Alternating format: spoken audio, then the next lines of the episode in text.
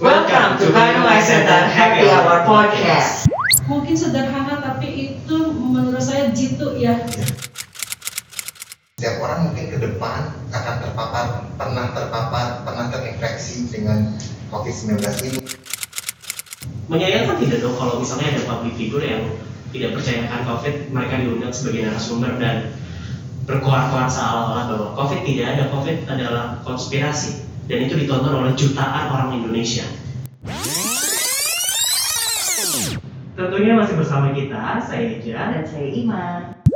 Sahabat Mata BC, di dalam podcast ini kami akan membahas lifestyle, Caring. inspiring, Health up to date. and many more. Jadi untuk sahabat Mata BC, pastikan Anda follow podcast kami di Spotify at Eye Center Happy Hour Podcast. Sahabat Mata BC, sudah berapa lama Anda di rumah aja? Pandemi COVID di Indonesia sampai detik ini belum selesai. Kita tahu bahwa COVID bukanlah suatu hal yang akan hilang dalam waktu dekat, sehingga menunda untuk berobat bukan lagi menjadi pilihan yang terbaik. Bagi Anda yang merasa memiliki keluhan, terutama keluhan mata, segerakanlah berobat dan pastikan Bandung Eye Center solusinya. Baik, sahabat Mata BC, kami hadir kali ini untuk Anda. Dari sini kami tentunya akan membahas Satgas COVID-19 Rumah Sakit Mata Bandung Eye Center. Telah hadir bersama kami Dr. Ani Yuliani, spesialis patologi klinis MKes, dan Dr. Bagus Anedito, spesialis penyakit dalam yang akan berbagi bersama pengalamannya di sini. Halo dokter. dokter. Halo. Kita cek ombak dulu nih ya. Betul. Saya ingin mendengarkan suara dokter Ani. Halo dok. halo Bagaimana keadaannya hari ini? Waalaikumsalam warahmatullahi wabarakatuh. Bagaimana keadaannya hari ini dok? Alhamdulillah dan tetap harus semangat Semangat ya. Dokter bagus, halo dokter. Halo, Assalamualaikum warahmatullahi wabarakatuh. Waalaikumsalam. Bagus sekali ya, dokter Bagus. Iya iya. Ini kayaknya vokalis nih. Mata vokalis kayak ini dok. Enggak. Kayaknya cocok untuk masuk ke grup kahitna. Iya. Kelamaan ya, gitu Tuhan. Baik, eh, untuk dokter Ani dengan dokter Bagus ini saat ini kesibukannya eh, mulai sedang apa saja dok? Kalau kami sih, kalau saya sih masih tetap eh, praktek di rumah sakit, Hmm. bertemu dengan pasien-pasien. Nah, kemudian untuk dokter Ani bagaimana dok? ya hampir sama ya kalau kita kan sebagai apalagi saya di penunjang juga apa pun perform dari rumah sakit harus bisa ya, terwakil gitu ya dari pelayanan laboratorium gitu ya. Jadi mudah-mudahan sih apa yang kita yang kami eh, kelola eh, itu bisa memenuhi harapan dari klinisi dan juga pasien. Baik, luar biasa sekali ya kita podcast kita kali ini kedatangan sang garda depan lagi dok. Betul sekali. Ya, eh, tentunya di sini ada beberapa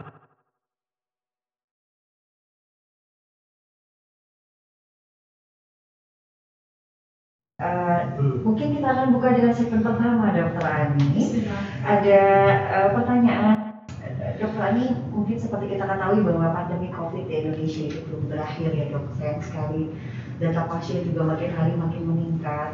Eh, kami mendapat data dari Worldometer bahwa eh, hari ini sampai dengan hari ini itu eh, penderita COVID sendiri mencapai sekitar 49 juta dan angka kematian sudah di 1 juta 200. Indonesia itu kalau nggak salah di peringkat ke-21 ya dok. Sangat memprihatinkan sesungguhnya. Betul. Eh, saya sebagai orang awam nih dok ingin bertanya sampai kapan ya dok kira-kira pandemi ini akan Saya harus mengurut dada juga sebenarnya ya. Jadi apa pun ini juga harapan dari semua orang Indonesia, Hmm. kemudian juga harapan khusus dari semua klinisi, nakes kita bahwa kapan akan berakhir kita kurang tahu sebenarnya ya. Hmm. Apa sih yang akan menjadi masalah di sini gitu kan? Ini masalah semua semua dan menurut saya pribadi bahwa kalau misalnya kita tidak bersinergi, tidak berkoordinasi dan berkolaborasi, mungkin akan berakhir. Hmm. Ya, jadi butuh kerjasama betul? yang baik semuanya. Saya tidak bisa, tidak bisa menjawab secara pasti, tetapi kalau kita mengikuti arahan dari pemerintah, mulai dari hal yang sederhana Hmm. dengan 3M-nya, insya Allah gitu ya, kita akan sedikit demi sedikit akan melewati perjalanan pandemi ini mudah-mudahan bisa berakhir lebih cepat gitu ya. Tetapi bila mana kita tidak gitu ya, resiko ya akan terus kita dapat gitu ya. Itu barangkali dokter bagus sih sama namakan sih sebenarnya ya. Baik, silakan. Boleh, bagaimana dokter Saya bagus? coba tambahkan eh, dan kalau memang dikatakan lengkap, kalau memang pertanyaannya adalah kapan pandemi ini akan berakhir ya pada prinsipnya tadi sudah dijelaskan dokter kita tidak akan pernah tahu kapan pandemi ini bisa ber- akan berakhir. Betul. Tapi mungkin yang terjadi kemudian adalah setiap orang mungkin ke depan akan terpapar, pernah terpapar, pernah terinfeksi dengan COVID-19 yang kemudian manifestasi klinisnya itu bisa mulai bervariasi mulai dari yang ringan, tidak bergejala, ringan sampai yang berat. Mhm. Jadi ya kalau kita flashback katakanlah ke dulu ada yang namanya pandemi flu, Ya. Tahun- ya flu yang menimbulkan banyak kematian biasanya di, negara-negara barat. Ya. Saat ini masih ada, masih, tapi kemudian tidak menjadi kehebohan seperti yang terjadi dengan COVID ini. Ya mungkin ke depan akan seperti ini. Artinya COVID ini akan menjadi sebuah penyakit yang biasa, Hmm. Yang bisa mungkin kita temukan sehari-hari dan tidak heboh dibandingkan kondisi kita saat ini. Tapi sampai kita ke posisi tersebut, tadi saat dokter Andi sudah katakan, lakukan proteksi untuk diri kita sendiri. Yang tadi sudah dokter Andi katakan ya dengan 3M, Mhm. ikutlah apa kata pemerintah, ikutlah apa kata kata nakes, Iya. kata lurah. ya seperti apa? Menurut saya sih seperti itu. Dan tentunya selalu menggun- eh, melakukan adaptasi kebiasaan baru ya dok ya? Ya, ya eh, kembali lagi. Mungkin sederhana tapi itu menurut saya jitu tadi 3M itu prinsipnya tetap harus kita pegang di mana pun kita berada. Apalagi sekarang penularannya sudah di tingkat keluarga, jadi kita juga harus membawa rasa aman ke keluarga. Keluarga di sini juga kan bisa dilakukan keluarga inti, keluarga kita dalam hal kita bekerja, itu gitu ya. Jadi kembali lagi bahwa kita harus kalau istilah ini harus istiqomah terus menerus jangan putus asa jangan kendor Betul itu sekali, prinsipnya gitu ya Betul sekali. Eh, beruntungnya sekali ini juga kita memang menjalankan protokol kesehatan ya Mhm. dengan distancing seperti ini ya dok. Kita harus menggunakan masker ya. Iya. Eh, Ini nah, baru, ini baru pertanyaan pertama tapi udah seru banget Iya, ya iya, bahasannya. iya, iya, iya. Makin semakin orang penasaran untuk tahu. Eh, berarti sebetulnya dengan nanti harapan munculnya vaksin di masa yang akan datang itu belum tentu juga bisa mengakhiri pandemi ini. Kira-kira begitu nggak dok? ini mungkin yang paling tepat menjawab dokter bagus dokter bagus. vaksin Eh, vaksin pada prinsipnya vaksin bukan menghilangkan atau jawaban atas segalanya. Vaksin memang tujuannya adalah meningkatkan daya tahan, daya tahan tubuh kita Hmm. sehingga kita ketika kita terpapar virus ini, COVID ini, kemudian eh, mulai tadi bisa mungkin tidak ada gejala sama sekali atau bahkan kita harapkan ya ringan kalaupun timbul gejala. Vaksin di- artinya vaksin bukan bukan Garanti akhir, ya, bukan, bukan jaminan bahwa jaminan ya, penyakit ini akan hilang tidak. Mhm. Tapi vaksin membuat kita lebih eh, lebih kebal, lebih kuat sehingga eh, dalam manifestasi klinis atau gejala-gejala yang timbul itu akan lebih ringan atau bahkan tidak berbicara.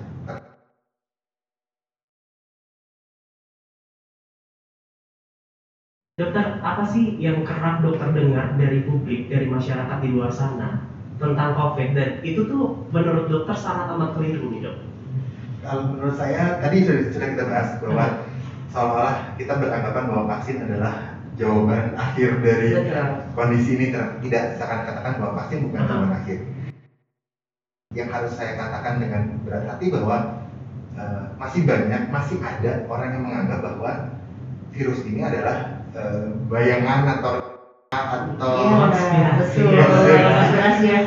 silah itu itu menurut saya adalah suatu hal yang yang sangat berbahaya kalau memang masih masih ada hal seperti itu. Ya kita harus harus ingatkan bahwa virus ini nyata loh. Mhm. Iya. Angkanya nggak hanya di kita aja, nggak Iya. hanya di Bandung, ada Iya. di Indonesia, ada di dunia, dan ini sudah ada. Jadi eh, ini harus di, harus dipahami bahwa virus ini benar-benar adanya Iya betul. dan tadi bahwa kita harus melakukan adaptasi kebiasaan baru karena virus ini benar-benar ada. Betul betul ada ya dok ya. Jadi bukan konspirasi ya dok ya. konspirasi. Nah itu menurut saya, kalau, kalau saya melihat bahwa dua hal ini yang menjadi yang harus diingatkan dan harus diingatkan. Kenapa? Karena kalau memang kita meyakini bahwa virus ini ada, maka kita akan lebih mudah untuk eh, yakin dengan melakukan adaptasi kebiasaan baru, Hmm. melakukan tadi yang katakan 3M, Betul. yang sebagainya. Kalau memang dari awalnya sudah kita tidak yakin, maka kemudian ya kita Ya, akan, akan sebebas-bebasnya ya. Iya, betul. Iya, betul. Orang-orang juga akan ya udah gitu ya dok ya tidak akan memperdulikan kesehatan itu juga ya dok ya. Baik, eh, kita lanjut ke pertanyaan yang ketiga ya dok. Iya, eh, ini sebetulnya pertanyaan yang agak sensitif ya. Tapi kan ini sebenarnya pertanyaan yang ingin kita tahu Ya, ya. betul. Eh, jadi eh, dengan adanya sosial media dan teknologi internet Hmm. yang sangat canggih ya dok, akhirnya tuh publik itu banyak mendengarkan hoax-hoax yang beredar dan akhirnya mereka itu meragukan eh, data-data mengenai COVID khususnya di Indonesia gitu. Banyak publik yang menuduh bahwa dokter atau misalnya rumah sakit itu banyak mendapat keuntungan dengan Mhm. adanya pandemi ini. Menurut dokter Ali dan dokter Bagus bagaimana tanggapannya dok? Siapa dulu nih?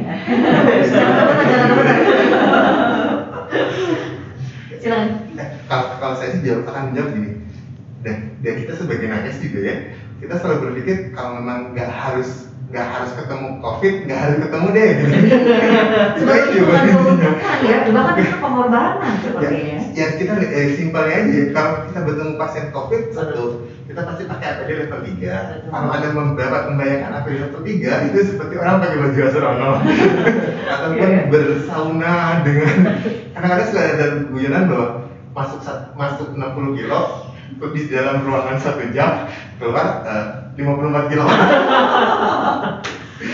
apa plus keringetnya dua liter tiga liter ya? Jadi kalau dari saya sih intinya kami pun juga takut, kami pun juga juga ngeri kok kalau Iya. kita berhadapan dengan pasien COVID. Jadi kita mendapatkan keuntungan, keuntungan dari mana kita juga ngeri gitu. Iya betul. Betul betul.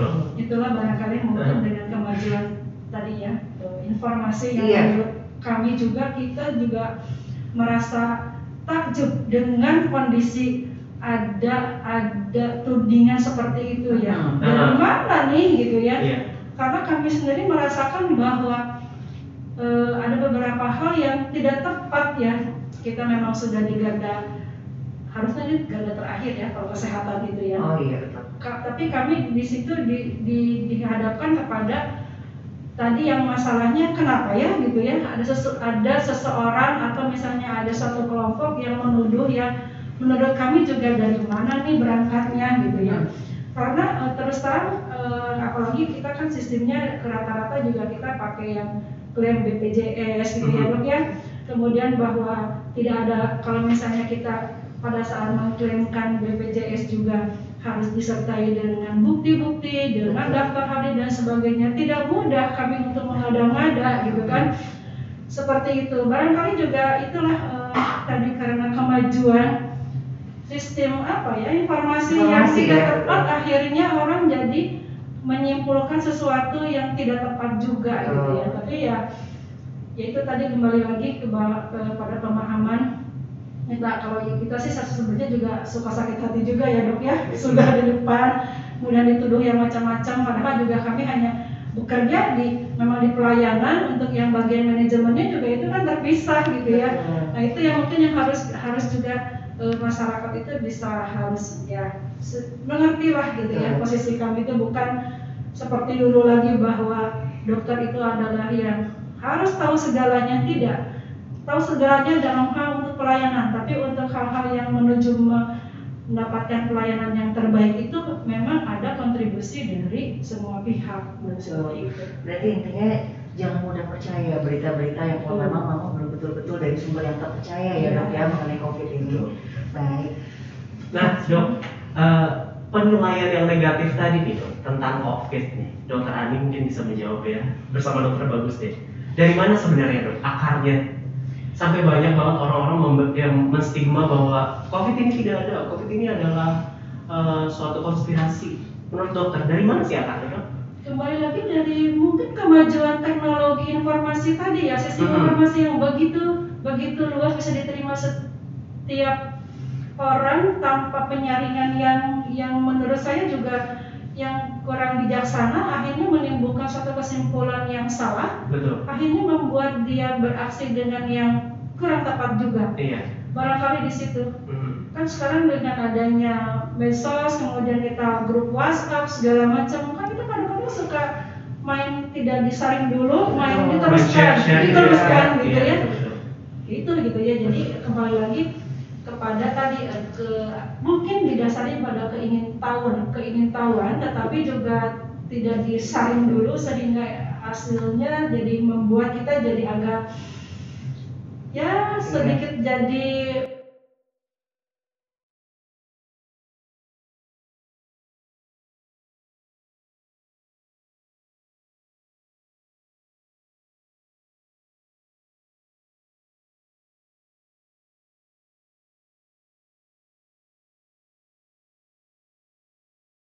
Menyayangkan tidak dong kalau misalnya ada public figure yang tidak percayakan COVID, mereka diundang sebagai narasumber dan berkoar-koar seolah-olah bahwa COVID tidak ada, COVID adalah konspirasi dan itu ditonton oleh jutaan orang Indonesia. ya kembali lagi tadi ya kepada eh, prinsip dari orang tersebut ya kalau Hmm. kami sih rasanya gitu ya kami nakes yang berhubungan langsung dengan bagaimana melayani eh, pelayanan di COVID ini COVID ini ya eh, harus hati-hati kembali lagi karena apa pun mm, kita harus karena tadi figur itu jadi contoh kalau misalnya kita Hmm. menyampaikan hal yang tidak benar kembali lagi nanti hasilnya akan tidak baik juga gitu ya Betul. seperti itulah ini data bagus sama kali ini ditambahkan kalau saya pikir eh, orang- orang-orang itu juga harus harus membuka pikirannya ya. Betul. Maksudnya, oke mereka ketika ketika awal ber- berpendapat bahwa ini adalah sebuah hal yang yang yang bohong, yang konspirasi, tapi mereka harus harus juga melihat mau melihat dari sisi yang lain ketika memang kalau ini bohong, itu ada datanya kok, betul. ada diagnosisnya, ada pemeriksaan swab yang dilakukan dan memang ada virusnya, Iya. dan kemudian mereka juga harus mau untuk menerima menerima kenyataan kalau memang mereka salah dan mengakui mereka salah dan kemudian mau untuk mengatakan secara publik bahwa saya salah bahwa Nah. memang covid itu ada Iya betul. Angka kematiannya juga nyata ya. Nyata ya, ya. Terus meningkat ya kan angkanya coba. Baik. ini yang yang kadang-kadang ya be- beberapa public figure di Indonesia mungkin seperti itu ya dok sudah mungkin sudah berkoar-koar bahwa COVID tidak ada, COVID adalah suatu konspirasi, tidak meyakini adanya COVID. Ya mungkin itu hal-hal yang disayangkan ya dok dari seorang public figure. Sedangkan public figure kan followersnya banyak, follow, yang followingnya juga kan banyak kan ya dok ya. kalau saya sih mungkin tidak meyakini nggak apa-apa ya tapi AKD-nya tetap dijalani gitu Iya iya betul. Nah, iya betul. Ya mungkin figure juga gitu dok. Saya tidak percaya tapi kok takut juga ya. Terus AKB-nya dijalanin. ya nggak apa-apa sih sampai dia nggak mau, sampai dia nggak mau bikin video lagi mungkin untuk di, di, ya tadi yang tadi dokter bagus bilang Jadi ya. kembali lagi mungkin prinsip kita uh, selain kita harus aman untuk diri sendiri, kita harus memberi aman kepada orang lain. Mhm. Itu prinsipnya. Jadi harus bergandengan. Nggak boleh dianggapnya kita egois gitu ya. Oh, ya, buat aku aja, yang lain nggak nggak saya pikirkan nggak seperti itu. Ini kan yang ini kan covid ini kan sesuatu hal, satu hal yang baru ya. Jadi orang juga pasti akan bertanya-tanya, mungkin di- didasari kepada keputusasaan sebenarnya ya, Iya. masih berakhirnya gitu kan. Iya. Nah, hal seperti itu jadi akhirnya orang jadi ya gitu kan, jadi ada yang ada yang bicara ini benar ya gitu kan, udah ya gitu seperti itulah gitu ya. mungkin bisa dari itu ya maksudnya ini bukan sebenarnya bukan bukan sebab tapi ini adalah akibatnya Iya. ketika orang udah mulai bosan di Iya. rumah jadi berpikir makanya ya saya juga bisa kita nggak bisa bilang kita tidak bisa mengejar orang seperti itu Iya. tapi maksudnya tadi yang itu utamanya ya tadi ya kalau kalau nggak percaya nggak apa-apa tapi jaga teman-teman yang lain dong gitu Iya, karena small things sendiri gitu. life ya dok. Maksudnya kayak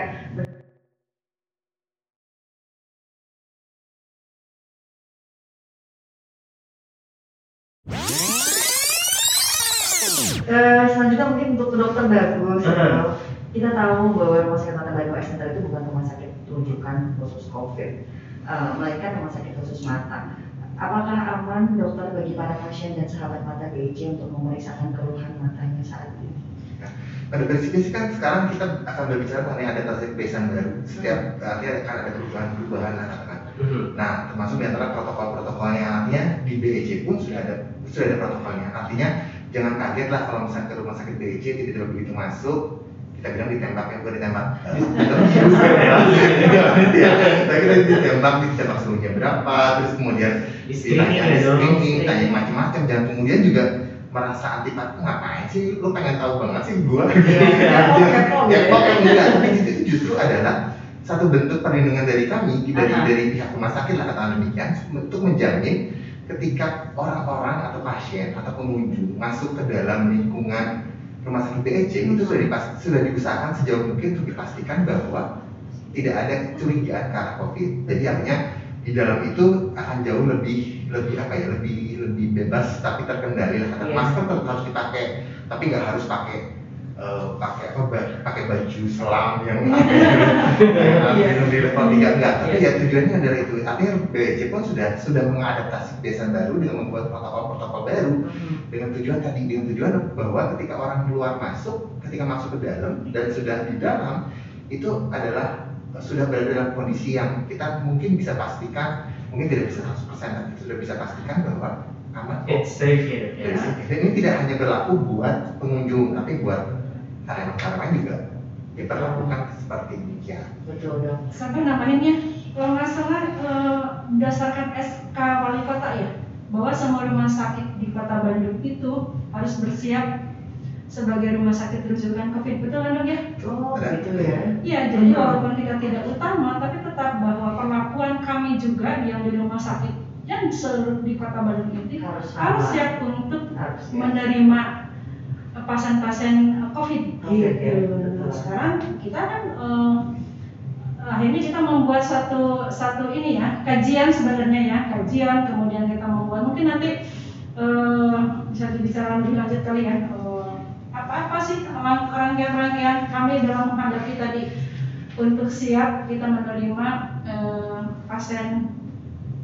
pasien tetapi dalam dalam rangkaian bahwa kita juga harus siap melayani pasien dengan curiga COVID gitu ya dok ya. Mhm. Gitu. Baik, dokter. eh, jika tadi sama dokter Bagus sudah dijelaskan bahwa BIC me- sudah menerapkan protokol kesehatan ya dok ya. Mungkin dokter Ani bisa menjawab eh, seperti apa protokol kesehatan yang sudah diterapkan untuk pasien dan pengunjung di rumah sakit Mata Mulai Center dokter Ani. Oke, ini kita mungkin harus bicara dulu eh, kepada tadi dengan SK yang wali kota itu, baru rumah sakit BC itu manajemennya membuat nih ada buku nih Apa itu Oh? Pedoman pencegahan dan penanganan COVID-19. Nah ini Isi buku ini lengkap, buku saku ini diedarkan Aha. ke seluruh karyawan rumah sakit terutama para nakes. Iya, betul. Di situ memang dikupas habis mulai dari pembentukan tim COVID dulu ya dok ya, tim COVID jadi COVID jadi maksudnya tadi kembali lagi bahwa ada juga di situ peranan PPI ya, jadi eh, pencegahan dan pengendalian infeksi. Infeksi, ya. Ya, jadi kalau kita bicara pengendalian pencegahan dan pengendalian berarti harus meliputi seluruh ya pasien, ya pengunjung, ya nakesnya sendiri Mhm. gitu ya jadi Mhm. kita harus holistik dalam menangani tadi ya urusan uh, covid tersebut gitu ya dok ya jadi kalau misalnya dia disebut bagaimana iya jadi kita harus bersiap dari pembentukan tadi tim covidnya kita membuatkan suatu screeningnya bagaimana Mhm. untuk menangani pasien dengan dugaan ke arah COVID, kemudian bagaimana alur pelayanannya, Mhm. kemudian kita harus bersiap dengan tadi kalau misalnya ada ke arah ke arah COVID, bagaimana kita me, me- apa, me- memakai APD Mhm. untuk Ya. penanganan pasien tersebut. nakesnya. Oke. Nah, bagaimana APD itu sebelum, sebelum APD? Oh ya, berarti kita harus minimal apa melihat pakai maskernya bagaimana, gitu Mhm, kan? Nah, iya. Jadi, jadi di situ rangkaiannya seperti itu. Kemudian setelah kita eh, memasang APD itu apa sih kuncinya? Oh, kita harus sering-sering cuci tangan nih, gitu Iya, kan? Jadi betul betul. Sosialisasi untuk hal-hal yang sederhana tersebut harus kita sampaikan juga termasuk tadi etika batuknya bagaimana. Kemudian pelayanan lainnya adalah meyakinkan bahwa rumah sakit ini aman adalah dengan cara desinfektan ru- ruangannya seperti apa? Nah gitu ya. Itu itu itu rangkaian rangkaiannya bahwa tadi menjawab yang pertanyaan sebelumnya ke dokter bagus juga kita siap nggak? Ya dengan begitu. Kita bersiap dengan eh, segala eh, tadi eh, segala sesuatu dan dan jangan salah juga kita itu kan eh, sering-sering bertanya ya dok ya. Karena tadi bahwa kita kan bukan rumah sakit yang utama untuk rujukan covid.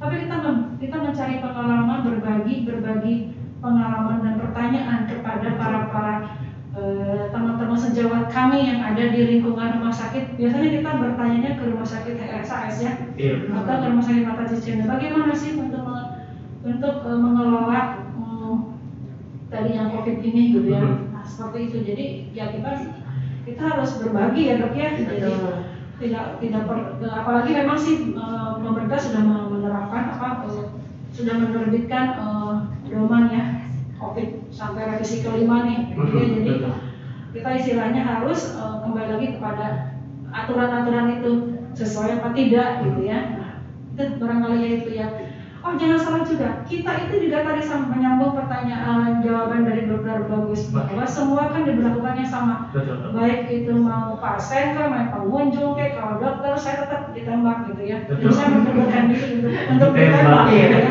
Iya. Dan saya I surrender. Ya, gitu ya. Dicek suhunya, kemudian kita langsung cuci tangan dan kita memang ya bahwa kita jangan balik kembali lagi harus memberi contoh gitu ya. Itu kan suatu suatu apa ya eh, bentuk bentuk sosialisasi ya Iya. Mhm. yang sederhana tidak perlu Iya. keluar bagaimana biaya Betul. harus mengumpulkan orang enggak jadi orang bisa melihat gitu oh iya Secara persuasif itu ya. gitu. jadi konsisten oh iya gitu ya jadi memang seperti itu itu kan untuk apa untuk memberi rasa aman kepada pengunjung eh, terutama pasien Iya. ya jadi menambahkan, eh, jadi kan kita punya di, di, di depan di istilahnya di pintu depan itu ada ada, ada istilah kita bilang surveillance atau pintu atau seleksi lah. Iya. Nah, tapi juga ketika memang ada orang dengan kecurigaan COVID itu tetap bis- tetap akan mendapatkan pelayanan juga. Betul. Tapi namun memang tadi kita sudah punya protokol nanti di- dilakukan pemeriksaan di tempat yang berbeda, Berbeda. tidak di tempat yang seperti biasa. Kemudian dia akan dievaluasi lagi apakah Iya. memang ini harus di apa ya sampai saat ini kan kita memang masih dinyatakan BC belum jadi rumah sakit yang eh, Yang utama ya. Jadi artinya apakah bisa dirawat di sini atau tidak kalau tidak bisa rawat ya kita kalau memang ada kecurigaan COVID kita akan rujuk kita akan bantu carikan rujukan ke ke mana ke ke rumah sakit Rumah sakit lainnya. ya. Tapi alhamdulillah sampai sekarang belum ada ya dok ya Belum. jadi dengan screening yang kita berlakukan gitu ya eh, udah 8 bulan nih kita ya eh, alhamdulillah sih Iya, dok, sudah 8 bulan. Eh, dari rangkaian kita untuk eh, menapis gitu ya, mulai dari tadi cek suhu, kemudian kita ada screening tulisan apakah pernah pa- pa- eh, panas ke daerah yang pernah daerah-daerah Daerah-daerah zona merah gitu Iya, kan. betul. Kemudian kita kita juga pada saat melayani pasien eh, untuk penanganan khusus nanti kemudian ada pemeriksaan penunjang yang alhamdulillah sampai sekarang sih kita belum pernah menemukan ya dok ya semoga, semoga sih tidak gitu ya. Iya, betul dok. Dan seharusnya pasien-pasien yang berkunjung ke rumah sakit Mata Bandung Center juga pada saat dilakukan screening, eh, pada saat nakes ataupun tenaga non nakes lainnya bertanya terkait status COVID-nya atau bertanya tentang apa pun itu, jawab saja secara jujur ya dok ya. Karena eh, apabila misalnya memang ada suspek ataupun misalnya tanda gejala yang mengarah ke sana, tetap layanan kita kita akan berikan ya dok ya. betul betul jadi eh, nggak boleh lagi kita menolak secara bagaimana cuma nanti penanganannya lebih lanjut nah itu yang mungkin ya kita apakah perlu dirujuk atau tidak gitu tapi tetap untuk sebagai bagian yang pertama untuk yang screening dan triase tetap kita harus bersiap Duh, Luar biasa Luar sekali. biasa. Semakin menarik ini semakin siang ya. Sangat menarik banget ini. Iya, Eh, maksudnya di sini kita mendapatkan gambaran bahwa sahabat mata BC jadi akhirnya semakin yakin. Maksudnya pada saat mengalami keluhan mata, jadi tidak ragu untuk datang ke rumah sakit ya karena ternyata penanganan untuk awal sampai dengan akhirnya beliau diberikan pelayanan sudah sebegitu ketatnya. Nah, untuk pertanyaan selanjutnya mungkin untuk dokter Ani dok. Eh, upaya apa yang telah dilakukan oleh Bandung Eye Center demi menjaga kesehatan baik itu tenaga kesehatan maupun non tenaga kesehatan? ya kembali lagi bahwa pertama kita harus jujur ya sebagai nakes tidak boleh sekarang untuk me- me- apa, menyembunyikan bahwa kita itu sakit flu gitu ya Mhm. atau misalnya ada ada panas sedikit gitu kan kita harus segera berlapor gitu ya kemudian juga kita juga dibantu nih gitu ya Eh, manajemen kan sudah menyediakan kita pernah ada screening kan Hmm, pemeriksaan rapid test antibody Iya. kemudian ternyata juga ada program dari dinas kesehatan eh, kata Madia bahwa kita semua nakes harus di uh, swab. PCR Iya. itu salah satu upaya kita dan juga membantu program pemerintah untuk meyakinkan bahwa kita tuh semua eh, istilahnya bukan bebas gitu ya tapi ter- terkendali terkontrol bahwa kita itu memang dimonitor gitu ya Betul, status betul. status kesehatannya Hmm. sehingga kita melayani itu jadi jadi aman aman. gitu. Dan, Dan- alhamdulillahnya sampai sekarang eh, setelah swab test dan rapid ini rutin dilakukan eh, belum ada yang terkena ya dok. ya? Nah, alhamdulillah. Alhamdulillah dan dan kalaupun misalnya iya ada yang terkena juga kita itu lebih kepada tadi eh, penanganan selanjutnya kepada lingkungan kerja bagaimana, Mhm. kepada lingkungan rumah di, di, di, lingkungan rumah juga bagaimana gitu ya untuk tindak lanjutnya. Dan alhamdulillah sampai sekarang kita oke-oke aja ya dok ya. Iya, Dan memang eh, terus terang gitu ya dengan adanya adanya eh, COVID ini juga kalau saya sih makin hati-hati maksudnya gitu ya. Jadi apa pun bukannya saya takut tertular tidak. Justru kebalik saya takut menularkan kepada orang Iya. lain. Iya, Gitu ya.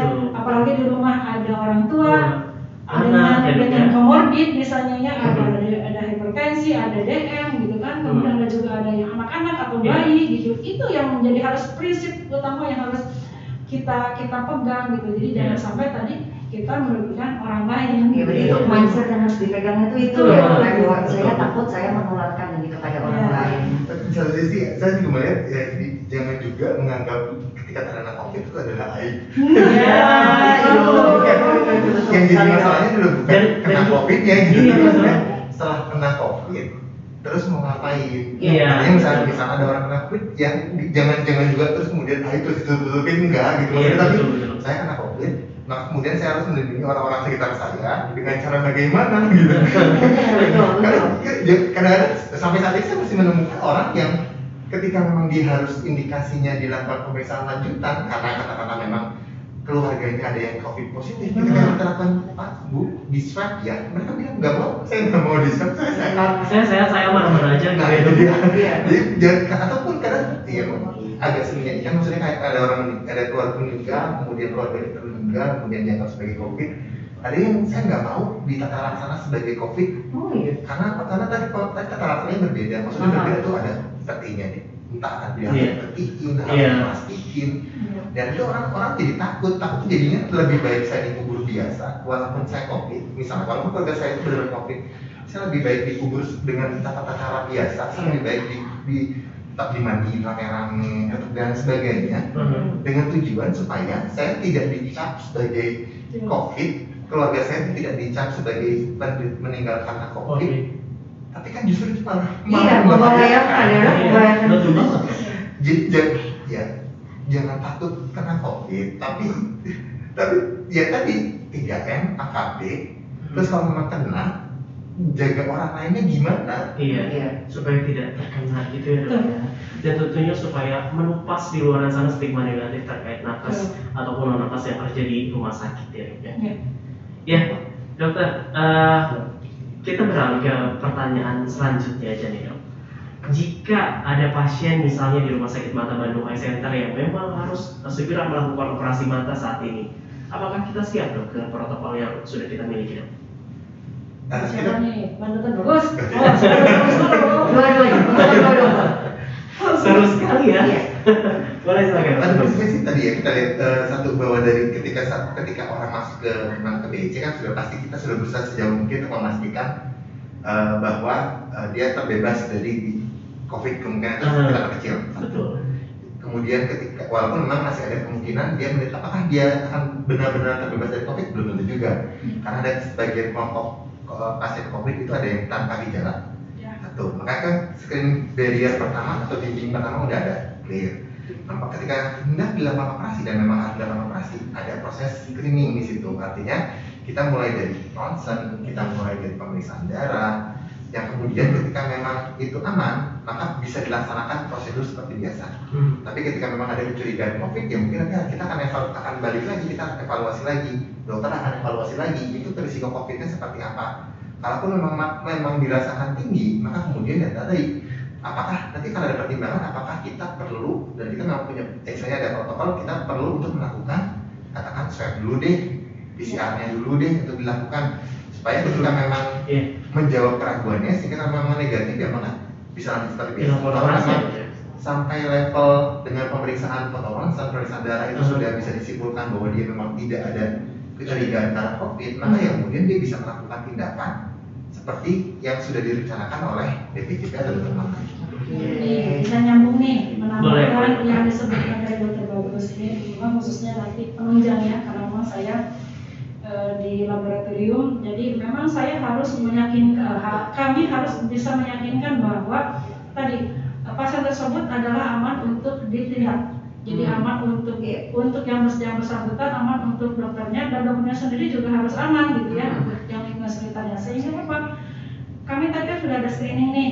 Ya screening itu kan sebenarnya utama adalah tadi riwayat demamnya ada apa tidak riwayat bepergiannya apa tidak. Karena pemeriksaan penunjang itu hanya salah satu gitu ya. Pada beberapa tahapan itu memang bisa terbantu gitu ya. Tetapi ada juga yang kita yang masih tadi meragukan kami kami mencoba untuk ada tambahan pemeriksaan laboratorium yang standar gitu ya ditambah pemeriksaan foto nah kita bisa berlanjut nih ada pemeriksaannya macam-macam mulai yang tadi yang disebutkan pemeriksaan rapid test ya bisa antibody, bisa antigen, kemudian untuk menentukan dari diagnosanya ke arah COVID yang paling bagus memang dengan PCR Hmm. gitu ya. Nah, seperti itu. Jadi memang kita juga tidak tidak langsung eh, semuanya diterapkan, tetapi kita melihat tadi ya dok ya Ya.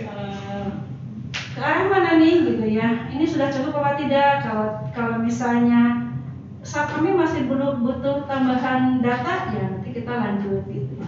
pemeriksaan tadi yang dimaksud dan alhamdulillah kita juga eh, ada sih ya pemeriksaan eh, yang rapid antibody tersebut ya memang eh, sekarang memang masih diterapkan sebagai tadi penapis lah gitu ya karena itu yang memang paling yang paling mudah kemudian yang sekarang juga disebut dengan paling murah gitu ya dok nah itu seperti itulah gitu Jadi intinya sahabat mata juga tidak usah takut ya, apabila memang ternyata ada tindakan operasi atau bagi Iya. keluarganya akan melakukan tindakan operasi di bulan puasanya. Baiklah, eh, sampai di pertanyaan selanjutnya dok. Eh, selama masa pandemi ini, adakah pengalaman yang tentunya memprihatinkan yang yang dokter dokter alami selama memberikan pelayanan pada eh, memberikan pelayanan pada pasien? ada nggak pengalaman yang mungkin masih diingat gitu? pengalaman kami sebenarnya ini berkaitan dengan kita sebagai bagian dari tim COVID ya.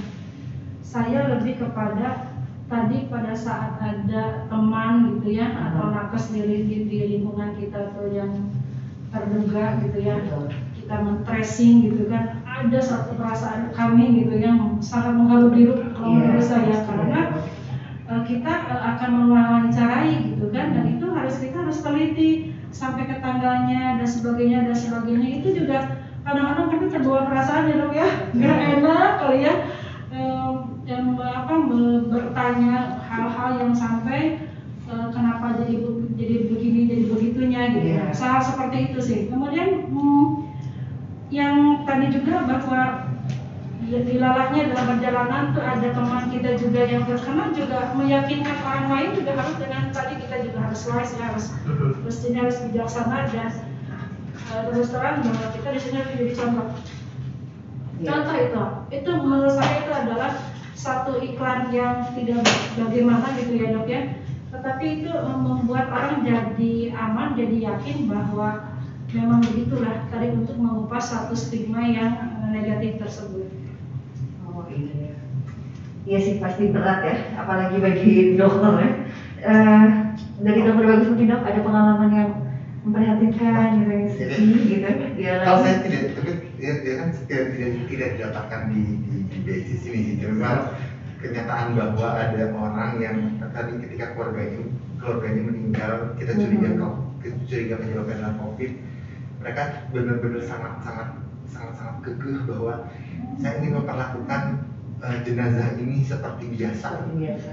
dan itu justru itu yang jadi jadi jadi perdebatan di, di kami gitu maksudnya kalau risikonya apa buat sekit, buat sekitar kita belum kita baru bicara baru bicara memandikan terus belum kita bicara mengenai setelah dimandikan dikuburkan ada sembilannya gitu. Iya. itu yang yang kadang-kadang aduh dan ternyata masih ada masih ada masih masih itu namanya masih ada orang yang lebih lebih rela untuk mengambil risiko Iya. eh, tidak mengakui apa yang dikatakan oleh petugas medis. Betul. Orang-orang medis bilang ini curiga covid mereka mereka bilang dengan dengan dengan dengan keras kepala dengan penuh keyakinan ini bukan covid saya pengen membawa seperti biasa dan lah kami yang ngelepasnya itu juga juga jadi ngerasa tanggung jawab kami ya maksudnya saya kita juga bilang ya nanti kita dimandiin rame-rame risikonya apa? Betul. nanti setelah mandiin ditahlil lagi Iya.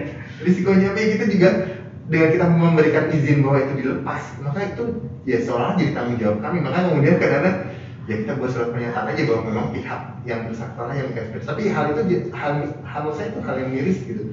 Masih ada orang yang lebih rela untuk melakukan seperti biasa tapi membawa risiko buat orang lain lebih banyak. Hmm. Jadi mungkin juga nanti mudah-mudahan sih eh, apa eh, satgas covid juga ya yang yang yang yang pusat gitu ya membuat suatu tadi SOP-nya yang lebih jelas itu ya. Karena terus terang di lapangan juga tidak semudah itu gitu ya. Apa yang disebutkan eh, di, di buku itu di laporan kerja bla bla bla tapi ternyata tetap ada satu tadi ya riak-riak di di gap yang ya dok ya? ya itulah. Jadi kembali lagi tadi karena pemahamannya yang yang tidak lengkap sehingga membuat dia kesimpulannya yang jadi kurang benar juga. Jadi tindakannya yang diambil juga jadi tidak tepat juga. Nah itu kan itu rangkaian itu gitu ya. Jadi kembali lagi memang stigma menghapus stigma negatif ini memang bukan tugas semata-mata kita yang garda depan tapi memang harus semuanya gitu ya. Jadi pemahamannya memang harus tadi harus ya harus sering-sering gitu ya. Kemudian kan pemerintah juga sudah berupaya gitu ya dengan cara eh, ada razia kemudian kemudian juga ada ada satu razia itu kan ada juga sekarang udah mulai ada denda gitu ya. Tapi kan belum mengupas kepada yang tadi yang krusial gitu ya. Jadi ini juga sekarang kan kalau sehubungan dengan covid ini kalau misalnya terkena kepada yang ulang yang risiko tinggi yang sudah ada komorbid itu kan biasanya angka kematiannya akan tinggi gitu ya. Nah, itu mungkin harus ada satu yang tadi kolaborasi atau bantuan dari aparat keamanan sebenarnya gitu ya. Jadi kalau iya tuh kami hanya fokus di bidang tadi melayani sampai pemulasarannya selesai selanjutnya itu memang harus tadi di- dibantu dipandu oleh eh, aparat keamanan gitu ya. Berarti baiknya bagi sahabat mata BC ini dok, eh, selain bisa menjadi, eh, maksudnya menjadikan diri kita menjadi role model, juga mungkin kita harus mengedukasi ya dok kepada orang terdekat kita, kepada keluarga, gitu kan bahwa ah, COVID ini begini loh, kemudian apabila terjadi kepada kita itu harus ngapain, ngapain, ngapain gitu kan ya dok ya. Oke, luar biasa sekali. Kalau berbicara tentang COVID ini memang nggak ada Iya, habisnya ya. ada habisnya, Dan sangat amat menarik tentunya perbincangan kita di uh, siang hari ini bersama Dokter Andi dan juga Dokter Bang. Baik, dokter, uh, dokter berdua juga kan praktik di Rumah Sakit Mata Bandung Eye Center ya dok ya. Mungkin banyak pendengar uh, podcast ini yang ingin langsung berjumpa dengan Dokter Andi. Saya mau uh, periksa deh ketemu sama Dokter Andi. Mau konsul Saya mau konsul deh ketemu sama dokter bagus tadi nggak suaranya aduh lembut banget. Boleh mungkin disampaikan dokter jadwal prakteknya di Bandung Eye Center dok hari apa saja? Dokter bagus dulu deh. Boleh, silakan dok. Eh, kalau saya masih saya prinsipnya akan panggilan Dari panggilan. Aduh. jadwal eh, untuk jadwal jadwal sih jadwal di hari Rabu dan hari Sabtu dan Sabtu. Ah, Rabu tapi memang untuk hari-hari yang lain biasanya biasanya saya sifatnya by appointment aja Ah. jika ada silahkan kontak ke BC eh, nanti kita ketemu di situ Nah, oke itu. Jadi kalau misalnya pendengar podcast ini mungkin eh, pasien setia dokter bagus bisa juga dat- menemui dokter bagus di Bandung Eye Center ya ya. By appointment. Kalau dokter Andi nih dok? Nah, ini yang saya agak susah menjawabnya. Apa? Kalau saya tapi sebagai- di, belakang layar. Karena sebagai penanggung jawab di laboratorium kan saya lebih kepada uh, fokus kepada bahwa hasil itu harus harus tepat, harus akurat, harus bisa memuaskan tadi dua pelanggan. Mhm. Satu klinisi dan satu adalah pasien. Sehingga saya bekerjanya adalah dua kali satu kali 24 jam. Iya, luar biasa sekali. tujuh selama tujuh hari satu minggu dan sebagainya. ya. Jadi memang saya tidak ada jadwal khusus Iya, untuk iya. untuk eh, apa ya bertemu dengan pasien. Tetapi bila mana dibutuhkan, mungkin tadi sama dengan dokter bagus by appointment gitu ya. Jadi nanti dijanjikan mau bicara apa sih mau menanyakan tentang hal apa ya memang harus seperti itu ya ada ada perjanji ada ada tadi jadwal jadwal bertemu gitu ya. Baik. Belum ketemu ya dok. Saya koreksi atau kayak gitu. Panggilan terlalu jauh. Bertemu jadwal bertemu. Betul betul betul. Baik, luar biasa sekali eh, sesi kita siang ini. Eh, sebelumnya sebagai penutup mungkin ada pesan-pesan khusus atau closing statement yang ingin Dokter Ani dan Dokter Bagus saat ini. Nah, siapa dulu? Dokter Agus dulu. Iya. eh, dalam menghadapi COVID ini jadilah orang yang bertanggung jawab. Artinya juga saya tidak menyarankan jadi orang yang bertanggung jawab. Jangan terlalu takut terhadap COVID, iya. Tapi juga jangan juga isal-awal jadi bebas sebebas-bebasnya karena saya nggak takut COVID. Jangan juga. Jadilah orang yang bertanggung jawab, bertanggung jawab buat diri sendiri, bertanggung jawab buat orang lain. Kalau anda bertanggung jawab buat diri sendiri, maka kemudian anda juga akan bertanggung akan melindungi orang lain lah katakan. Artinya kalau kita konsekuen dengan tanggung jawab tersebut ya tiga lanjut jaga jarak tetap lanjut nggak bebas bebas buka masker tetap lanjut. Iya. dengan tujuan tadi jadi bertanggung jawab. Jadi tapi juga jangan takut takut banget sama covid. Karena covid ini pasti bakal terus ada jadi ya udah menurut saya sih saya sih berharap kita semua bertanggung jawab Jadilah, ya. iya, jadilah pribadi yang bertanggung jawab ya dok ya. Betul. Itu closing statement dari dokter bagus. Ya. Dari dokter Ani dok. Ya, sudah dikupas tuh sama dokter bagus saya nambahin aja orang itu harus bermanfaat bagi orang lain. Jadi kembali lagi bahwa tidak boleh merugikan orang lain. Iya. Apalagi merugikan diri sendiri. Itu aja. Jadi tadi balik lagi bahwa kita 3 M-nya itu yang harus terus terus kita lakukan. Mau di mana pun, mau di tempat mana pun. Oke. Mungkin pendengar podcast kita belum tahu nih tiga M itu apa. Ah. Oke, pertama adalah memakai masker yang benar. Mhm. Pakai masker. Oke, Cek. yang keduanya adalah sering-sering mencuci tangan. Cek. Cek. Nah, yang ketiganya adalah menjaga jarak. Menjaga jarak. Cek. Oke, Nah. sebagai role model gitu ya. Iya. Tadi memakai masker yang benar sudah banyak ya dok ya. Sekarang itu jadi banyak yang beralih dari yang kainnya satu lapis sekarang sudah jadi tiga lapis. Atau Betul, jadi banyak sekali produk yang beredar Nah, di luar itu. Jadi Tetapi kan- jangan salah, ada satu yang perlu kita waspadai, dicermati adalah cara Membuka masker. masker, gitu ya, menyimpan masker nggak boleh sembarangan. Itu banyak tuh sekarang yang public figure ya mem- membicarakan tentang 3M, tetapi dia lupa. Ya Iya, membukanya itu suka sembarangan, menyimpannya juga sembarangan dan tangannya setelah itu dia tidak dicuci. Cuci Jadi ke mana-mana itu saya memang bawanya adalah masker bedah karena kami nakes gitu ya. Yang keduanya adalah membawa hand sanitizer. Hmm. Jaga jarak juga sama gitu ya. Hmm. Kalau memang tidak tidak apa tidak tidak yakin kita bisa kapan kita bertemu harus ini ya diusahakan jangan lebih dari 15 menit gitu ya ini kita jaraknya berjauhan banget ya. Iya baik, terima kasih dokter Ani dan juga dokter Bagus atas waktunya. Kita merasa bangga bahwa dokter Bagus dan juga dokter Ani bisa menyempatkan hadir di podcast kita Betul. pada siang hari ini. Harapan kita sehat selalu ya. Amin. Dokter Ani, dokter bagus. Eh, apalagi sebagai pengemban tugas sebagai satgas COVID yang tentunya tidak mudah. Selamat bertugas dokter Ani, terima kasih dokter Ani dokter Bagus. Baik, Untuk mendapatkan informasi terkait tips kesehatan mata serta promo-promo menarik yang berlangsung di Bandung Eye Center, Anda dapat langsung memfollow Instagram kami di @bandung Eye Center atau mengunjungi website kami di www.bandungeyecenter.go.id. sahabat mata BC, itu tadi podcast yang sangat menarik bersama dokter Ani dan juga dokter Bagus, sungguh luar biasa sekali. Dan Anda juga dapat mendengarkan di eh, Spotify kami di @bandung Eye Center Happy Hour Podcast. Eh, anda dapat mendengarkan di sana dan jangan lupa juga di follow akun eh, Spotify kami. Saya Eja Resnija. Saya Ima Herawati, mohon pamit. See you on our next episode. Now Everything's visible.